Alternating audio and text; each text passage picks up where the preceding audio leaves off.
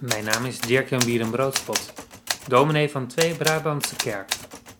Ik lees je een column voor van geloofswoorden.nl. Boos.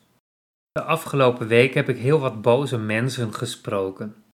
Telkens dook het volgende liedje in alle toonaarden op. Staphorst bedankt, Staphorst bedankt, Staphorst, Staphorst, Staphorst bedankt.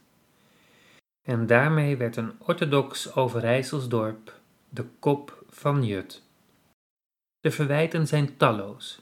Zo wordt er met twee maten gemeten, is er één rotte appel die het voor alle anderen verpest en zijn het altijd weer die refo's die wereldvreemd zijn. Heel wat collega's riepen in hun boosheid op om solidair te zijn met alle ondernemers in de culturele sector.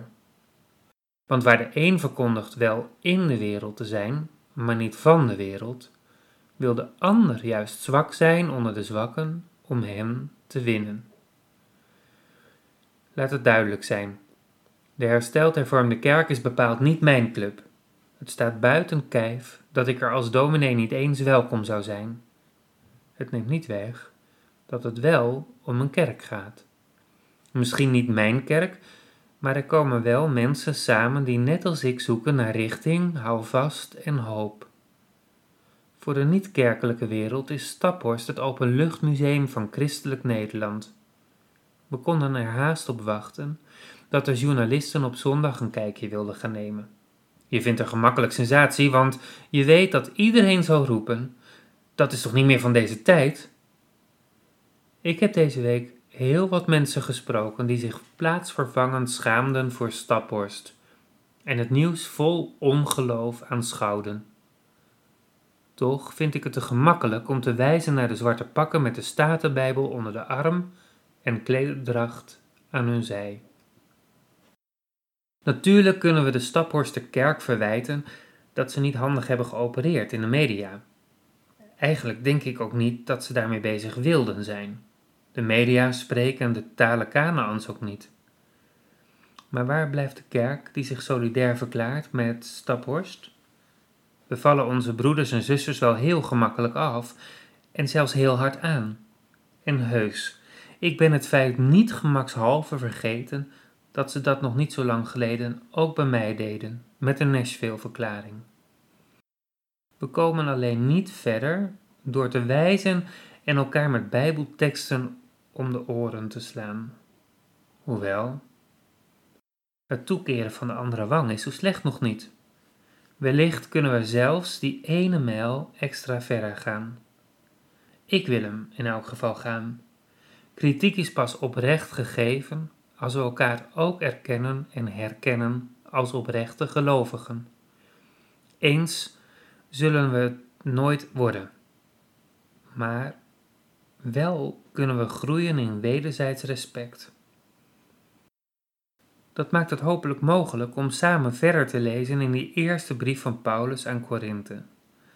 Bijna iedereen kent die woorden van geloof, hoop en liefde. Dat gaat niet om de liefde van vlinders in je buik. Het is de liefde die je solidair maakt, juist wanneer je uit heilige overtuigingen elkaar het leven meer dan zuur maakt. Vanuit die liefde zie ik Staphorst als een partij waar ik me niet alleen tegenover wil plaatsen, maar juist ook als een partij om het voor op te nemen.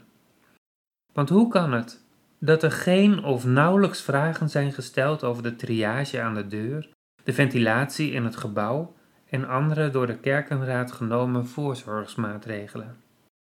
Hoe kan het dat Den Haag zich meester toont in incidentenpolitiek?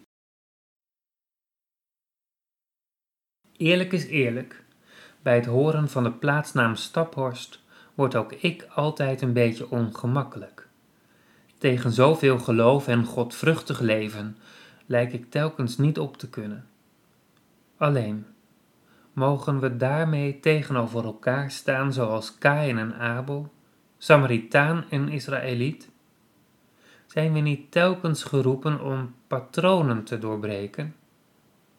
je niet te verheugen over de val van je vijand, maar hem de helpende hand toe te steken? Bovendien is Staphorst niet mijn vijand. Ze leven daar vanuit dezelfde bron als ik.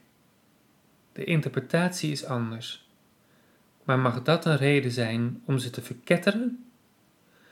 Zo dringen opnieuw de bijbelse en o zo ongemakkelijke vragen zich aan me op. Waar is je broeder? En wie was nu de naaste? Je luisterde naar een column die ik schreef voor geloofswoorden.nl. Vond je het de moeite waard? Deel het gerust met anderen. Graag tot een volgende keer.